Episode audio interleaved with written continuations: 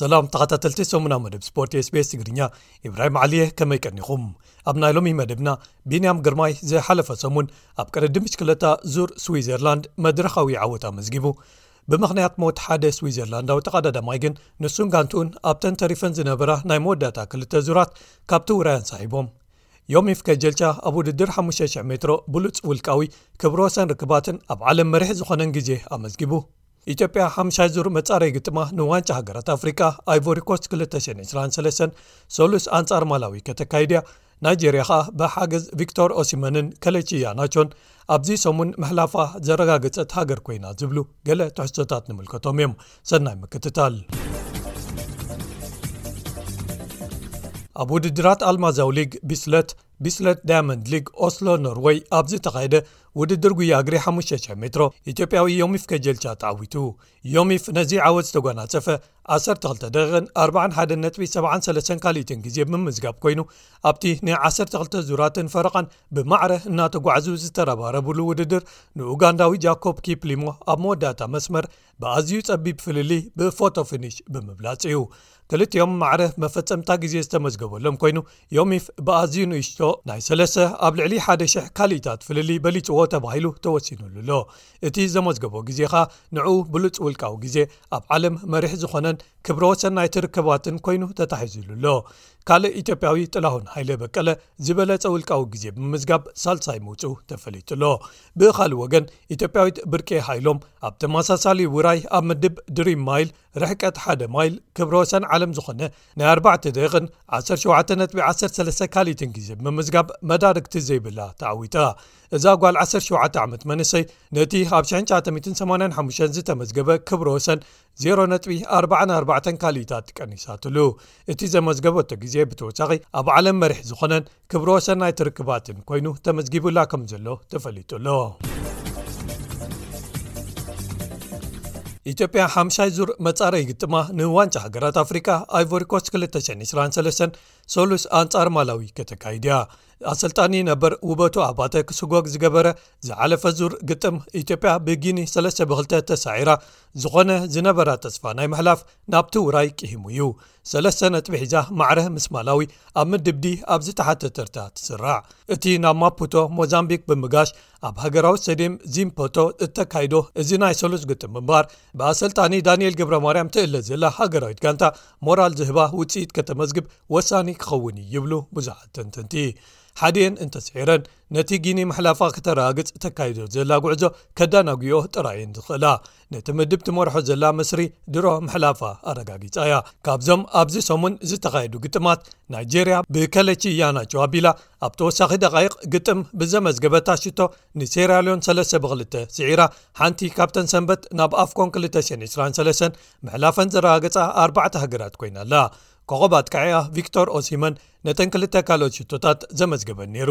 እተን ክልተ ካልኦት ሃገራት ከኣ ጊኒ ቢሳው ደሴታት ከይቨርደን ማሊን እየን ንኣዳላዊት ሃገር ኣይቮሪኮስ ሻምፕዮን ሰኔጋል ኣልጀርያ ቡርኪናፋሶ ኢኳቶርያል ጊኒ ሞሮኮ ደብ ኣፍሪቃ ቱኒዝያን ዛምብያን ከኣ ንዓመታ ወርሒ ጥሪ ክጽንበረን እየን ማለት እዩ ኣልጀርያ ክሳብ ሕጂ ከይተሳዕረት ሚቲ ካብ ሚቲ መዝገብ ሒዛ ክትምርሽ እንከላ ታንዛንያ ኣብ ካልኣይ ተርታ ተሰሪዓ እታ ዝለዓለ ናይ ምሕላፍ ዕድል ዘለዋ ምብራቕ ኣፍሪቃዊት ሃገር ኣብቲ ምድብ ኮይና ኣላ ንበዓል ቶማስ ፓርተይን ኣንድሬ ኣዮውን ዝሓዘት ጋና ምስ ማዳጋስካር ማዕረ ድሕሪ ምፍልላያ ምሕላፋ ከተረጋግጽ ገና ክትጽበይ ከድልያ እዩ ኣንጎላን ሪፓብሊክ ማእከላይ ኣፍሪቃን ከኣ ብቐረባ እናተኸተለኣ ናይ ምሕላፍ ዕድል ዘለወን እየን ምምላስ ኮኸብ ተጸዋታይ ፒየረ ኤሜሪክ ኦባማያንግ ንጋቦን ኣብዚ መጻረይ ክሕግዞም ንምግባር እንተነበረ እኳ ብኮንጎ ዲሞክራቲክ ሪፓብሊክ ኣብ ዓዶም ተሳዒሮም ክልቲኤን ማዕረ ነጥቢ ሒዘን ኣብቲ ምድብ መሪሕነት እንተሓዛ እኳ እታ ብኩናት ትሕመስ ዘላ ሱዳን ሰሉስ ግጥማ ኣንጻር ሞሪታንያ ኣብ ዓዳ ከተካይድ ድያ ኣይኮነትን ኣብ ዘይተረጋገጸሉ ብፍላይ እንተስዒራ ናይ ምሕላፍ ዕድል ክህልዋ እዩ። መበል 29 ቅድዲ ምሽክለታ ዙር ስሎቨንያ ዝሓለፈ ሰሙን ተኻይዱ ብዓወት ኢጣልያዊ ኣባል ጋንታ ቲም ጀይኮ ኣሉላ ፊሊፖ ጋና ተዛዚሙ ኣብቲ ሓሙሽተ መድረኻት ዝነበርዎ ሰንበት ዝተዛዘመ ቅድድም ኢትዮጵያዊ ኣባል ጋንታ ኪው 365 ፕሮሳይክሊን ቲም ነጋሲ ሃይሉ ኣብርሃ ተሳቲፉ ዝለዓለ ውፅኢት ኣብ ሳልሳይ መድረኽ መበል 28 ድሕሪ ብምዝጋቡ ኣብ ምዝዛም ናይቲ ውራይ ኣብ ሓፈሻዊ ምድባት መበል 44 ተርታሒዙ ቅድድሙ ዛዚሙ ወዲ ጋንቱ ኤርትራዊ ናሆም ዝረኣይ ከኣ ኣብቲ 8 መድረኻት ዝነበርዎ ሰንበት ኣብ ስዊዘርላንድ ዝተጠናቐቐ መበል ኣርብዓን ሽዱሽተን ቅድድም ብሽክለታ ዙር መጻኢ ወለዶ ወይ ቱር ኔክስት ጀን ተሳቲፉ ኣብ ራብዓይ መድረኽ ናይ ሻድሻይ ደረጃ ዝለዓለ ውጽኢቱ ድሕሪ ምምዝጋቡ ኣብ መወዳእትኡ ብሓፈሽኡ መበል 12 ተርታ ብምእታው ውራዩ ዓጽዩ ኣሎ ኣብ መበል 47 ቅድድም ብሽክለታ ላሩት ዲኦቺታነ ኣብ ፈረንሳ ተሳቲፉ ዝነበረ ካልእ ኢትዮጵያዊ ኣባል ጋንታ ካኻ ሩራል ሴጉሮስ ኣርጂኤ ሙሉእ ክንፈ ሃይሎ ሚካኤል ካብቶም ዝነበሩ ኣርባዕተ መድረኻት ኣብ ሳልሳይ መድረኽ ዝለዓለ ውጽኢቱ መበል ሳላሳን ሓደን ደረጃ ድሕሪ ምምዝጋቡ ሰንበት እቲ ውራይ ኣብ ዝተዛዘመሉ ኣብ ሓፈሻዊ ምድባት መበል ኣርባዓን ሓደን ተርታ ሒዙ ተሳትፍኡ ዛዚሙ ኤርትራዊ ኣባል ጋንታ ባይክዒድ ዳዊት የማነ ኸኣ ኣብ ራብዓይ ዱፓይስ ዲሞንቲቢልያርድ ኣብ ፈረንሳ ተሳቲፉ መበል ዓሰርተ ሸሞንተ ተርታ ሒዙ ቅድድሙ ኣጠናቒቑ። እቲ ውራይ ሓደ መኽፈቲ መዓልትን ክልተ መድረኻትን ኣካቲቱ ዝነበረ ኮይኑ፣ ዳዊት ኣብ ቀዳማይ መድረኽ ሓምሻይ ብምእታው ዝለዓለ ውጽኢቱ ኣመዝጊቡ እዩ።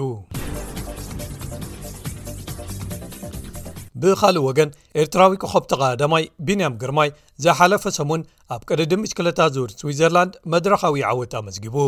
ቢንያም ነዚ ዓወት ዘመዝገበ ነቶም ኣብቲ ዙር ሓያላት ኮይኖም ዝቐረቡ ፈረንሳዊ ኣርኖልድ ዴማር ካብ ጋንታ ጉሩፓማ ኤፍዲjን ቤልጂማዊ ፋናየርት ካብ ጋንታ ያምቦ ቪስማን ብቮላታ ቀዲምዎም ብምእታው እዩ ተንታኒ ጋዜጠኛ ናይ ተቕድድም ቢንያም ከም ሮኬት ተወንጭፉ መዛዘሚ መስመር ረጊጹ ቢኒ እንሀ ደጊሙ ተመሊሱ ኣሎ ክብል ነቲ ኣብ ናይ መወዳእታ መስመር ዝነበረ ሓያል ምትህልላኽን ቢንያም ቦሎኽ ኢሉ ዝወጽኣሉ ኩነታትን ክገልጾ ክኢሉ ንቢንያምን ቅድድም ብሽክለታ ዙር ስዊስን ክዕዘቡ ካብ ዝተፈላለዩ ቦታታት ዝመጹ ኤርትራውያን ከኣ መዛዘሚ መስመር ድሕሪ ምርጋጹ ሓጎሶም ንምግላጽ ናብ ጽርግያ ኣትዮምን ንቢንያም ብምሕቋፍካ ታሕጓሶም ገሊጾምን ድሕሪ እቲ መዓልቲ ፕሬዚደንት ዓለም ለኻዊ ሕብረት ቅድድም ብሽክለታ ወይ uሲኣይ ዴቪድ ላፓርቴንት ንቢንያም በቶም ዘመዝገቦም ውፅኢታት ኣመስጊንዎን ኣድኒኽዎን ኣብ መወዳቱ ዴንማርካዊ ኣባል ጋንታ ትሬክ ሽጋ ፍሬዶ ማትያስ ስኪኤልሞስ ተዓዋቲ ዙር ስዊዘርላንድ ኮይኑ ኣብቲ ቅድድም ዝተሳተፈ ኢትዮጵያዊ ወላይ ሓጎስ በርሀ ካብ ጋንታ ቲም ጀይኮ ኣሉላ ብወገኑ ኣብ ሓምሻይ መድረኽ ዝለዓለ ውፅኢት ብምዝጋብ መበል 19 ክወፅእ እንከሎ ኣብ ምዝዛም እቲ ውራይ ኣብ ሓፈሻዊ ምድባት ዝነኣድ መበል 16 ተርታ ሒዙ ተሳትፍኡ ክዛዝብ ምኽኣሉ ተፈሊጡሎ እንተኾነ ግን ክቡራት ሰማዕትና ዙር ስዊስ ናይዚ ዓመት ኣብ ሓምሻይ መድረኽ ድሕሪ ዘጋጠመ ሓደገኛ ዝኾነ ብርቱዕ ምውዳቕ ሞት ወዲ 26 ዓመት ስዊሳዊ ጂኖ ሜዳር ብምኽታሉ ኣብ ሓዘን ተጸሚዱ እዩ ጂኖ ቁልቁለት ሒዞም ኣብ ዝውንጨፍሉ ዝነበሩ እዋን'ዩ ወዲቑ ናብ ሓደ ገደል ዝኣተወ። ነቶም ሓካይም ጋንታ ሃለዋቱ ኣጥፊኡ ጸኒሑዎም ክሳብ ብሄለኮፕተር ናብ ሆስፒታል ዝኸይድ ትንፋሱ መሊሶማ እንተነበሩ'ኳ ካብ ዝወረዶ ከቢድ መጉዳእቲ ክምለስ ወይ ክሓዊ ከምዘይከኣለን ህይወቱ ምሕላፋን ጋንቱ ባሕርይም ቪክቶርዮስ ገሊጻ። እቲ ተቐዳዳማይ ኣብቲ እዋን ሓደጋ ልዕሊ ሓደ ሚእቲ ኪሎሜተር ኣብ ሰዓት እናተወንጨፈ ይወርድ ብምንባሩ እቲ መንገዲ ኣብ ትሕቲ ትእዛዙ ከም ተመን ንየማን ንጸጋም ይጠዋወ ነይሩ ክብል ሓደ ካብቶም ተንተንቲ ጋዜጠኛታት ቅድድም ብሽክለታ ንኣካይዳ ትኪ ኢላ ዓቐብ ዝነበረ ተቐዳዳማይ ኣድኒቕዎ እንተኾነ ግን እቲ ናህሩ ክሳብ ጠርዚ ዝበጽሕ ልዑል ብምንባሩ ኣብ ገሊኡ ልብኻ ጠልጠል ዘብል ቅልጡፍ ምትዕፅፃፍን ግብረ መልስን ዝሓትት ነይሩ ክብል እቲ ተንታኒ ወሲኹ ገሊጹ ጂኖ ኣብ 221 ጅሮ ዲኢታልያ ናይ መድረኽ ተዓዋቲ ዝነበረ ኮይኑ ኣብቲ ዝመጽእ ባሕቲ ሓምለ ዝጅመር ዙር ፈረንሳ ከኣ ክሳተፍ መደብ ተታሒዙሉ ነይሩ እዩ ድሕሪ ሞቱ ኣብ ብዙሓት ተቓዳደምትን ኣውቶቡሳቶምን ናይ ሓዘን መንፈስ ዓሲሉ ከም ዝነበረን ኣብ ገሊኡ ንብዓታት ከም ዝፈሰሰን ዝገልጹ ጸብጻባት ነይሮም ኣካያዲ ጋንታ ሚላን እርዘን ንኽብሪ ጅኖ ጋንትኦም ቅድድማ ክትቅጽሉ እያ ኢሉ እንተነበረ እኳ ጸኒሓ እታ ጋንታ ካብቲ ዙር ነተን ተሪፈን ዝነበራ ክልተ መድረኻት ከም ዘይትወዳደር ሓቢራ። ኣዳለውቲ ዙር ከኣ ሻድሸይቲ መድረኽ ክትስረዝ ድሕሪ ምውሳኖም ተቐዳደምቲ ንዝኽሪ ጂኖ ናይ 20 ኪሎ ሜትር ሓጺር ርሕቀት ጥራይ ብሓባር ክዝውሩ ኣፍቂዶምሎም። ጋንትኡ ንቢንያም ኢንተርማሽ ሰርከስ ወንትን ጋንታ ቱዶር ፕሮሳይክሊንን ከኣ ድሕሪኡ ተሳታፍነተን ካብቲ ዙር ከቋርጻ ብምውሳነን ቢንያም ድሕሪኡ ኣይተቐዳደመን። ካልኦት ዓሰርተ ሸውዓተ ተቓዳደምቲ እውን ከቋርጹ ብምውሳኖም ብሓደ ሚትን ዓሰርተ ሰለስተን ተቓዳደምቲ ጥራይ ከቕጽል ክኢሉ። ሻብዓይ መድረኽ ብፍቓድ ቤተሰብ መዋቲ ጂኖ ተኻይዱ ሻምፕዮን ዓለም ዝኾነ ቤልጂማዊ ረምኮ ኤቫኖፖል ኣብ ዝተዓወተሉ ነቲ ዓወቱ ንዝኽሪ ጂኖ ኣወፍይዎ ኣሎ። ዙር ስዊስ ባዕሉ ዝለዓሉ ተቓዳደምቲ ዝሳተፍሉ ብደረጃ ኤሊት ዝስራዕ ቅድድም ብሽክለታ እንተኾነ እኳ ንዙር ፈረንሳ ከም መዳለዊ ወይ መለማመዲ ስለ ዘገልግል ኣብ ብዙሓት እቶም መቀዳድምቲ መስመራቱ ኣብ መንጎ ተዓዘብትን ተቓዳደምትን ቅርበት ስለ ዘሎ መከላኸሊ ሓጹራት ብመካይንን ሞተር ቢስክለታን ናይ ፖሊስ ዝተዓጹ ጎደናታትን ዘለውዎን ካልኦት ጥንቃቓታትን ብምውሳድን እዩ ዝልለ ቢቢሲ ኣብ ጸብጻቡ ከም ዘስፈሮ ገለ ተቓዳድምቲ ደረት ናይቲ ዝለዓለ ናህርና ንፈልጥ ኢና ክብሉ ይስምዑ እዮም ከምኡ ውን ክኸውን ይኽእል እዩ እቲ መዋቲ ተቐዳዳማይ ጂኖ ባዕሉ ተባዕ ወይ ደፋር ተውህቦ ዘለዎን ፕሮፌሽናል ብምንባሩን እቲ ደረት ፍጥነቱ ክሳብ ክንደይ ምዃኑ ግምት ነይርዎ ይኸውን እዩ። እታ ናይ ሕጂ ውጽኢት ግን ንሕልፈቱ ዝዓደመትን ኣዝያ ፍልይትን ነይራ ክብል እቲ ጸብጻብ ቢቢሲ ንኩነተ ሓዘን ናይዚ ተቐዳዳማይን ነቲ መንፈስን ገሊጽዎ። ክቡራት ሰማዕትና ንሎሚ ዝተዳለወ ትሕዝቶ ሰሙና መደብ ስፖርት ኤስቢኤስ ትግርኛ